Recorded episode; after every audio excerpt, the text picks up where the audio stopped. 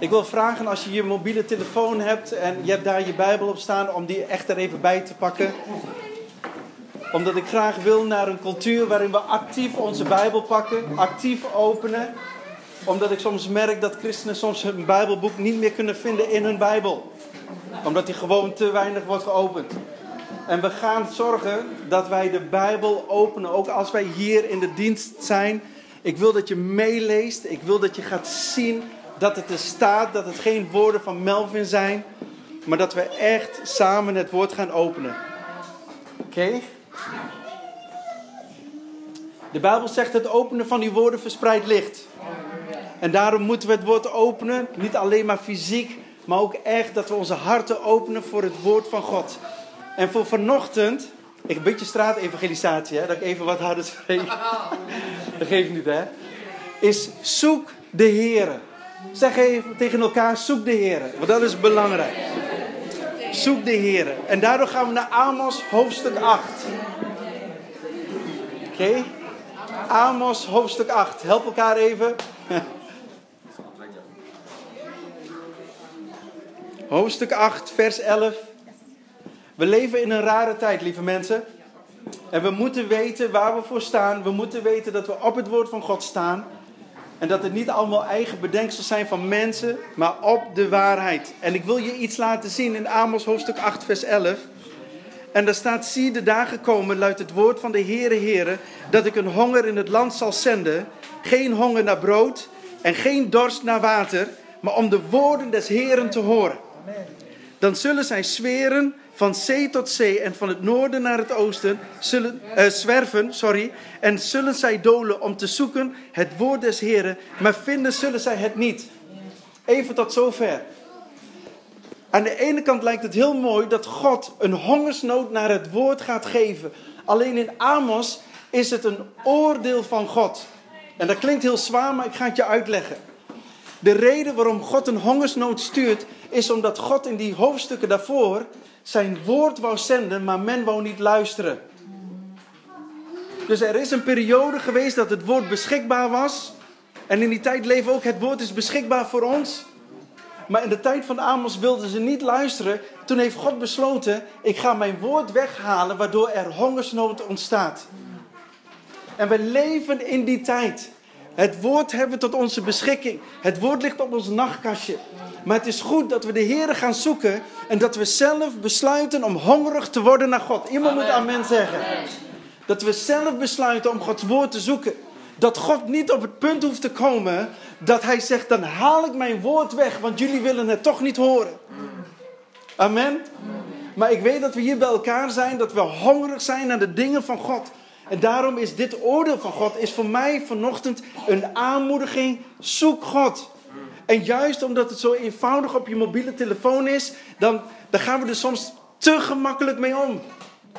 Maar we moeten onszelf ertoe gaan motiveren om het te gaan lezen. Amen? Amen. Oké. Dit hoef je niet op te zoeken, maar in Spreuken hoofdstuk 29, vers 18, daar staat: Indien openbaring ontbreekt, verwildert het volk. Dat betekent gewoon dit: als je niet weet wat God van je vraagt, begin je gewoon te dwalen. Dat is eigenlijk wat de Bijbel zegt. Daardoor moeten we die hongersnood in Amos, die moeten we ons gewoon eigen maken. En dat God niet een hongersnood stuurt, maar dat wij tegen God zeggen: Wij hebben honger naar u, we willen uw woorden horen, zodat we weten wat we moeten doen. De wereld is in de war omdat ze niet weten wat ze moeten doen. Ze hebben de wijsheid niet, ze hebben de openbaring van God niet, en daardoor zijn ze aan het ronddolen. Oké? Ik wil even naar Genesis hoofdstuk 47. Heerlijk, gewoon een beetje schreeuwen. Dat is toch mooi, de hele zaal zit gewoon vol, inclusief kinderen. We mogen ook gewoon niet meer mensen hier hebben. Dus dat is alleen maar goed. Genesis hoofdstuk 47, vers 25. En ik wil gewoon even laten zien over de positie van Jozef. En zorg, als je dit zo meteen hoort, jij bent ook een Jozef. Oké? Jij bent ook een Jozef. En er staat in Genesis hoofdstuk 47, vers 13. Vers 25 zei je. Zeg ik net vers 25? Sorry, beginnen we bij vers 13. En er staat, er was nu in het gehele land geen brood. Dat is een heenwijzing ook even naar Amos. Daar was ook geen brood. Het woord van God was er niet. Want de hongersnood was zeer zwaar. En in het land Egypte en het land Canaan raakten uitgeput ten gevolge van de honger. Lieve mensen, in het natuurlijke raak je uitgeput als je niet eet. In het boek Amos was er een hongersnood. Als wij geestelijk niet eten, raken we uitgeput of je nou wil of niet. Dit is een principe. Dit is een logisch gevolg. Dus iedereen die denkt, en ik weet dat jullie niet zo denken, van ik hoef het woord niet zo vaak te lezen, want ik weet het wel. Ik zeg vandaag tegen jou, lees het elke dag, zo vaak mogelijk, zoveel mogelijk. En eet nu het nog kan. Eet nu het nog kan. Amen. Zoek de Heer. Dat is ook wat ik probeer te zeggen. Hè? Zoek de Heer. En dan staat er in vers 25, Genesis 47, vers 25. En dan, dit is wat de mensen tegen Jozef zeggen. En ik heb net tegen jullie gezegd, zie jezelf als een Jozef. Er staat, toen zeiden zij, gij hebt ons in het leven behouden. Mogen wij de genegenheid van mijn Heer winnen, dan zullen wij Farao dienstbaar zijn. Dit is wat de landen zeggen, dit is wat de mensen zeggen. Jozef, omdat jij de openbaring had om de droom aan Farao uit te leggen, waren er zeven volle jaren en zeven magere jaren. Maar omdat je zo wijs was, heb je al de koren heb je weten te verzamelen. En toen de hongersnood zeer zwaar werd, konden we eten omdat jij wijs was. En daarom zeggen ze tegen Jozef, dank je wel. Wij zijn net als Jozef. Ons hart is een soort voorraadschuur. Eet zoveel mogelijk dat als de hongersnood ontstaat, dat je kan geven aan mensen. Dat je kan zeggen, maar dit is wat het woord zegt. En dit is wat God voor jou heeft. En ik denk dat God dit tegen jou wil zeggen. Dus je moet hier rechtdoor en je moet daar rechtsaf en je moet daar linksaf. Zodat de mensen tegen jou zeggen, dank je wel dat je altijd het woord hebt gegeten. Want misschien kunnen we de Bijbel straks niet meer openen. Maar je hebt zo vaak gegeten dat je het uit je hoofd weet. Amen. En we kunnen ons misschien niet voorstellen dat die tijd gaat komen. Maar Egypte kon zich niet voorstellen dat er zeven jaar lang hongersnood zou komen. Egypte dacht dat ze zo machtig waren dat hun dat niet zou overkomen. En wij denken misschien ook in deze tijd dat hier gaat het niet gebeuren. Mind you, ik ga nu vast zeggen, eet zoveel mogelijk. Amen. Amen? Oké, dan gaan we heel even naar Spreuken 11. Spreuken 11. En daarmee wil ik eigenlijk zeggen: breng jezelf in een positie om een ander te kunnen zegenen. Oké? Breng jezelf in een positie om een ander te kunnen zegenen. En dat gaan we lezen in Spreuken 11, vers 23. Kunnen jullie me allemaal nog horen? Ja, dat gaat goed hè? Oké, heerlijk. Want ik vind het fijn dat de kinderen hier zijn, want zij weten het helemaal niet. Maar zij zijn gewoon onder deze mantel. Terwijl ze aan het spelen zijn. Ik vind het heerlijk. Man, toch? In Spreuken 11, vers 23, er staat... Wat de rechtvaardigen wensen, brengt enkel geluk. En jullie zijn de rechtvaardigen. Door het bloed van Jezus. Niet op basis van je eigen werken. Maar door het bloed van Jezus ben je een rechtvaardige. Wat de goddelozen hopen, loopt uit op toren. Er zijn er die uitstrooien en toch nog meer verkrijgen. Terwijl anderen meer inhouden dan recht is en toch gebrek lijden. Er zit een principe hierin, hè? Denk daar eens over na in de, de komende dagen. Vers 25. De zegenende ziel wordt overvloedig verkwikt. Wie laaft, wordt ook zelf gelaafd. Help mij even, wat is het, het ouderwetse woord, hè? Laven. Wat betekent dat? Te drinken geven. Te drinken geven, dat is het. Te drinken geven. Dus als je iemand anders te drinken geeft, krijg je zelf ook te drinken. Voor jou is er straks geen dorst en geen hongersnood. Maar in vers 26, let op. Wie koren achterhoudt, hem vloekt het volk. Maar zegeningen daalt neer op het hoofd van de verkoper. Wij verkopen ook brood om niet. Wij delen gratis het brood des levens uit. Maar wat ik dit wil zeggen is dit. Op het moment dat wij koren uit beginnen te delen, begin je de ander te zegenen. Hou het niet achter. Dat is wat de Bijbel zegt. Hou jouw koren niet achter. Te passen en te onpas bijna. Want we leven in die tijd. Als je een woord van de Heer hebt om met iemand te delen, Deel. Houd het niet achter. Als je dat doet, breng je jezelf in een positie om een ander te kunnen zegenen. Maar je kan alleen maar koren geven als je eerst zelf hebt gegeten. Er groeit koren in je leven als je zelf het in je leven hebt laten zaaien. Of dat je elke keer jezelf zo positioneert zoals nu, dat het woord in je leven wordt gezaaid. Maar de duivel komt, gelijkenis van de zaaier in Lucas 8, om dat zaad wat is gezaaid, om dat weg te nemen, opdat het geen vrucht draagt. Dus we moeten het ook beschermen met elkaar. Dus zoek de Heer. Zoek de Heer. Zorg ervoor dat God het woord niet uit je leven hoeft te halen. En ik zeg niet dat God dat wil doen, hè. Dat is niet wat ik zeg. Maar wat ik veel meer probeer te zeggen. Laten we met z'n allen weer het hart hebben dat gretig is naar de dingen van God.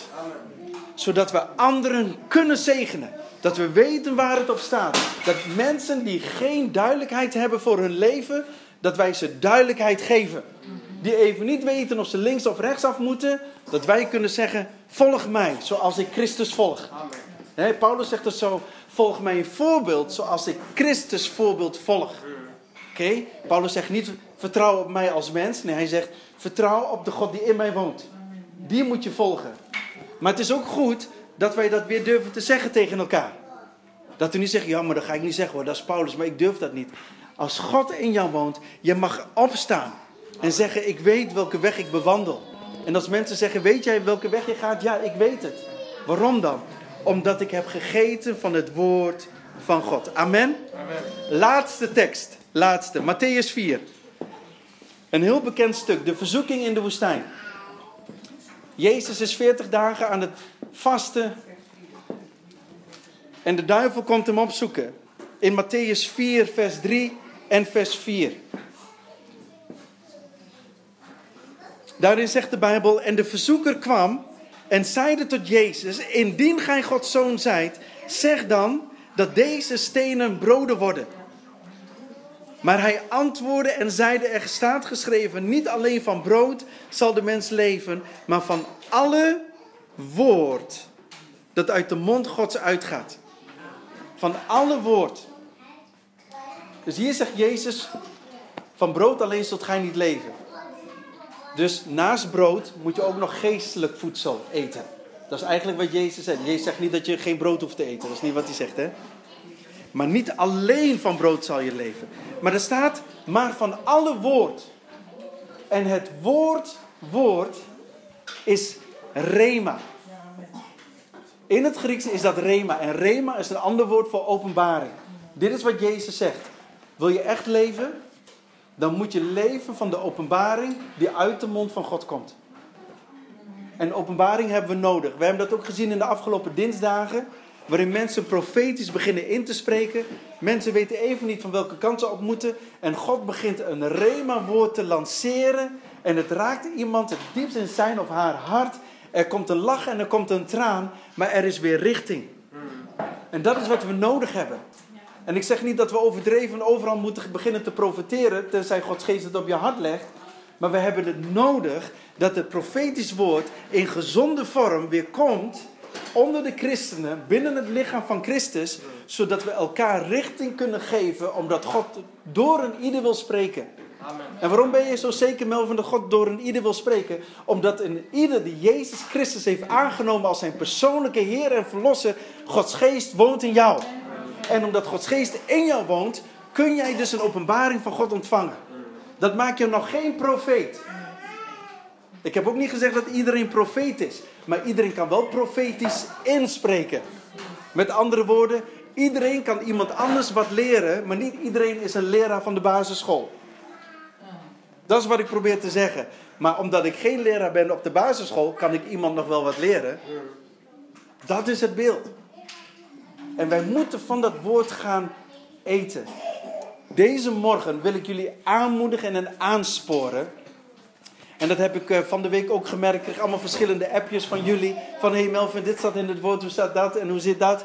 En toen dacht ik, ja, dit is wat ik wil. Dat mensen zelf weer het woord gaan onderzoeken.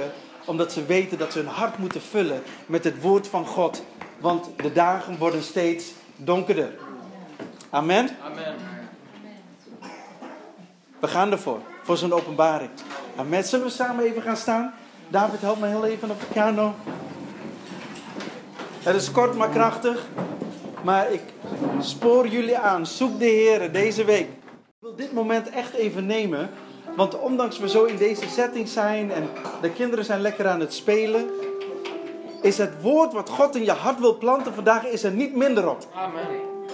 En het kan je leven radicaal veranderen, omdat je tot, zegen bent voor de ander. Tot zegen zijn voor de ander. Dus ik wil gewoon vragen, zullen we samen onze ogen sluiten? En open je hart.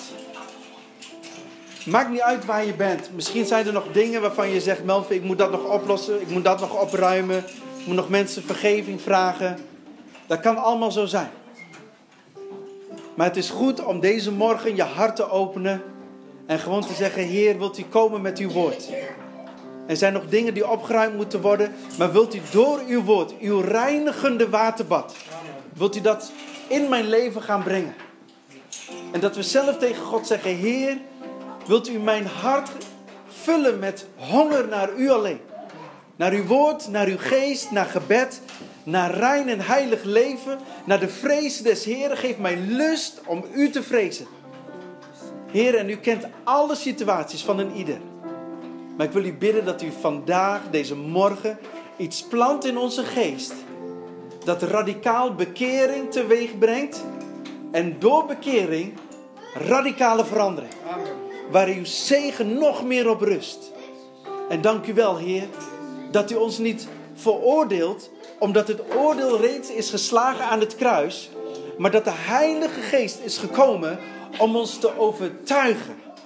En Heer, overtuig ons van zonde, gerechtigheid en oordeel. Overtuig ons opnieuw daar waar wij moeten veranderen.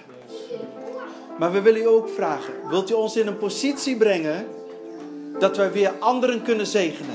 Dat wij zo uw woord beginnen te eten, dat Rema-woorden weer gaan komen zodat wij anderen kunnen voeden. Heer, tot eer en glorie van uw naam. Ik wil u danken voor de tijd dat we hier zijn. Ik wil u danken voor een ieder die hier is. Ik wil u in bijzonder danken voor de kinderen die hier zijn. En wij geloven gewoon, Vader, dat u uw zegen hierop legt. Want wij verlangen naar uw tegenwoordigheid. We willen uw tegenwoordigheid, want dan veranderen wij. Heer, en ik wil u zo bidden dat u in de komende dinsdagen en zoals wij richting januari gaan, dat de honger alleen maar toeneemt. Heer, honger naar uw woord. Heer, honger naar gebed. Heer, honger naar heiligheid en de vrezen des Heren. Zodat uw tegenwoordigheid komt, zoals gezegd is, dat wonderen en tekenen, dat het een logisch gevolg is, omdat u in ons midden bent. En vader, maak ons weer opnieuw radicaal. Maak ons weer enthousiast voor uw woord. Want de wereld weet niet welke kant zij op moet. Maar u heeft ons de genade gegeven, Heer, om de weg te kunnen wijzen. En u alleen, Heer Jezus, bent de weg, de waarheid en het leven. Niemand komt tot de Vader dan door u alleen. Heer, en wij willen dat, Vader, tegen de anderen zeggen. En daarom wil ik u zo bidden, Vader, dat u tot uw doel gaat komen. En daarom wil ik ook zo'n ieder die hier is, wil ik zegenen met het woord van God. En dat de Heilige Geest zo'n intens verlangen in jou gaat leggen. Dat je zelf versteld staat waar deze passie naar God, waar dat vandaan komt. O Heere, daarom willen we tegen u zeggen. Wilt u dat in de komende dagen gaan doen? Zegen mijn broeder en mijn zuster. Hun gezinnen, hun huwelijken, hun kinderen. Alles wat ze ondernemen. Hun financiën, hun werk, hun bezittingen. Vader, alles willen we, Vader, onder uw zegen brengen en onder uw bescherming. U alleen bent goed, u bent getrouw en u bent nimmerfalend. Dank u wel dat ik dit mag bidden en mag vragen in Jezus' naam. En in ieder zegt: Amen. Amen.